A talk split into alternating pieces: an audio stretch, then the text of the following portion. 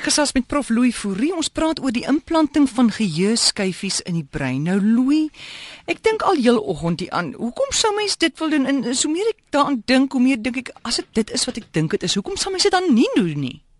Ek dink dit is 'n belangrike vraag wat jy vra want mense sal nou, jy weet, dalk sê maar wat se eienaardigheid is dit tog nou weer dat ons dis nou tipies, ons wil nou die rekenaars uh, begine inplant. Ons wil hom nie net gebruik nie.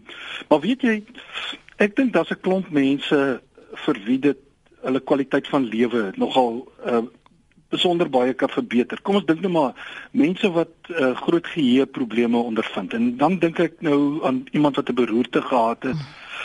Iemand wat 'n besering gehad het, miskien 'n motorongeluk en het 'n breinbesering gekry of iemand wat aan Alzheimer siekte uh siekte ly. En dan wat gebeur dan is dat dit die neurale netwerke geweldig ontwrig En mense het 'n onvermoë om 'n langtermyn geheue te vorm.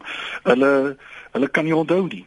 En nou as 'n mens dan nou ingeplante um, wat ons noem hierdie ingeplante geheueskyfies of kom ons noem dit mikroskyfies of rekenaarskyfies, mense sal weet waarvan ons praat, hierdie tipiese kyk ons noem dit ons in Engels noem hulle dit chips. Nou ja, kom ons sê nou maar ons praat hierdie klein verwerkertjies of plant ons in, dan uh, om mens kan dit ook sê dis 'n neurale prostese. As jy dit implant, dan neem hy die funksie, die seinverwerking uh, neem hy van normale uh, neurone oor. Hy kan dit mimiek en sodoende kan ek uh, die mense wat nou ly, wat breinskade het, mm. kan ek dan hulle weer help om te onthou. Hulle kan weer 'n langtermyn geheue ontwikkel. En in so in so 'n mate en 'n sekere sin dan dat hulle hulle breinskade oorkom. Nou, is dit regtig moontlik om hierdie geheueskyfies in iemand se brein in te plant?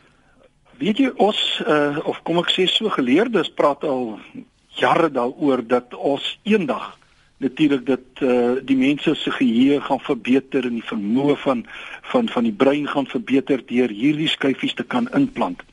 En dis nie dis nie iets wat vergesog is nie en ek sal nou vertel van die nuutste navorsing maar prosteses is uh, neurale prosteses is nie vergesog nie want ehm um, kokleaire implantings. Dis nou vir die uh, uh, vir die oor, nee, die gehoor. Dit daar's al reeds 200 000 uh, ongeveer kokleaire implantings gedoen wat dowe mense weer laat hoor het want dit dit lei die elektriese syne sit dit om uh, 'n elektriese impulse en stuur dit direk of koppel dit direk aan die gehoorsene weer. Ehm um, dit word al gedoen. Verlamde mense kry jy wat weer deur ingeplante elektrodes in staat gestel word om bloot deur hulle gedagtes 'n robotarm te beheer. Dit word nou nogal baie algemeen deesdae. En dan navorsing het ook sukses sukses gehaal met kunsmatige retinas uh om blinde mense te laat sien. Dis nog baie beperk en is baie vroeë navorsing, maar hulle het sukses behaal. Maar weet jy wat ons nog min sukses behaal is met implantings in die brein seker maar omdat die brein so ingewikkeld is. Maar daar's 'n man met die naam van uh Theodor Berger. Hy's 'n biomediese ingenieur en ook 'n neurowetenskaplike aan die Universiteit van Suid-Kalifornië in Los Angeles. En hy en sy span navorsers het 'n silikoonskyfie uh met die brein van rotte en later ook ape gekoppel en hy het aangetoon dat hierdie klein mikroverwerker inligting op presies dieselfde manier as regtige neurone kan verwerk. Dit die neurone is nou waarvan 'n mens se brein uh, opgemaak is, kan jy sê. En sodoende het hy die rotte en ook die ape gehelp om 'n langtermyn geheue te ontwikkel, ook op te roep vanuit 'n gedeelte van die brein waar dit nou gestoor word. En hy kon selfs hulle help as hulle dit iets nie geweet het nie om nuwe herinneringe of nuwe langtermyn geheue te skep baie interessant die werk jo. wat hy gedoen het. Nou hoe het Berger dit reg gekry om die neurone deur middel van 'n mikroskyfie te mimiek? Weet jy ek ek het verbaas gestaan toe ek sy navorsing lees dat hy 35 jaar van sy lewe al gespandeer het om een ding te verstaan en dit is om die gedrag van neurone veral in die gedeelte van die brein wat as die hippocampus uh, bekend staan. Nou die hippocampus is mos die deel van die gebrein waar mense korttermyn geheue in 'n langtermyn geheue omskep word. Ons verstaan nie altyd mooi presies hoe dit werk nie, maar as jy iemand sien en daai prentjie word geskuif van korttermyn na langtermyn geheue, dan word daar 'n uh, manier geskep of gedoen hoe dit gestoor word. En hy het begin om wiskundige teorieë te ontwikkel van hoe die elektriese seine, want alles werk met elektriese seine, deur die neurone van die een kant uh, van 'n hippocampus beweeg na die ander kant om dan nou hierdie langtermyn geheue te skep. En nou het hy bewys hierdie teorie van hom is waar. Dit kom met die werklikheid ooreen. Want die mense geheue bestaan sê hy basies maar uit 'n reeks elektriese impulse, baie kompleks. Maar uh, dit word oor tyd deur 'n aantal neurone gegenereer en dan as 'n mens nou 'n elektrode implant, kan jy hierdie impulse manipuleer. En 'n rekenaarskyfie of 'n mikroskyfie Dit werk met elektriese impulse en ons kan dit programmeer. So hy het nou gegaan en gesê maar ek, ek kan nou dus hierdie wiskundige vergelykings van hoe hierdie syne uh uh gestuur word en uh, gebeur in die hippocampus, dit kan ek programmeer op my rekenaarskyfie en dan kan ek die funksie oorneem van die brein. Sjoe, en het hy toe die rekenaarskyfies aan die rotte en ape gekoppel? Ja, dis presies wat hy gedoen het. Hy is een van die eh, die eerstes wat baie sukses behaal het. Hy uh, en sy navorsers het gestel elektrodes juis in die gedeelte van die rotse hippocampus ingeplant. En dan het hy die elektriese impulse wat daar ontstaan as jy nou die rot iets leer, uh, het hy dan herlei na die eksterne rekenaarskyfie toe. Hierdie hierdie uh, geheueskyfie waarvan ons praat.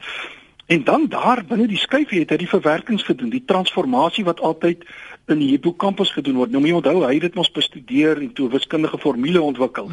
En dan doen hy nou hierdie verwerkers en uh, om sodoende 'n langtermyn geheue te vorm en dan éventueel met 'n tweede stel elektrodes het hy die syne teruggestuur of terugherlei na die na die brein van die rot uh, of die aap toe of uh, spesifiek dan nou na die hippocampus toe. En so het hy dan nou aangetoon dat 'n rekenaar kan soos 'n kunsmatige aanvulling vir die brein funksioneer. Maar wat dit nou interessant maak is dat wat hy gedoen het, hy het die rotte geleer om een van twee hefbome te druk hmm. as jy 'n beloning wil ontvang. Daar was nou 'n beloning in die vorm van kos en hulle moes die regte hefboom drink. As hulle die verkeerde een druk, kry hulle niks. Nou die impulse wat die langtermyn geheue verteenwoordig, het hy dan nou opgeneem soos ek gesê het en op die rekenaarskyfie gestoor en dan het hy die rotte 'n middel ingegee wat hulle geheue geblokkeer het. Hy het hulle laat vergeet watter hefboom was die regte mm. een. En as hy dan nou hierdie kode vanaf die skyfie terugstuur na die brein uh, die brein van die rot, het die rot weer onthou en die regte hefboom gedruk. En hy het dieselfde eksperimente op ape gedoen, maar net 'n bietjie 'n verskywing. Daar het hy gewerk met die prefrontale korteks of die deel van die brein wat natuurlik nou uh die langtermyn geheue stoor wat deur die hippocampus geskep is en dan nou oproep eerder. En uh na uitwisseling deur ook so 'n chemiese middel, uh kon hulle weer deur hierdie rekenaar die uh, of skyfie die beelde weer terugplaas in die aap se prefrontale korteks. Sjoe, ek wonder of daar nou in die toekoms ook dalk miskien 'n vergeetskyfie kan wees. Jy weet Jy sal jy sal seker 'n knoppie kan druk en sê vee alles uit. ja, ek is seker daar's mense wat 'n traumatiese verlede gehad het wat dit graag sou wou vergeet die logika sê vir my ek het nie iets uh, iets daaroor in die navorsing gesien nie maar die logika sê vir my dat as ek uh, jou brein kan programmeer kan ek tog dit wat daar is ook oorskryf. Kyk hy het ja, gesê ja, dat ja. hy sekere goed kan wysig.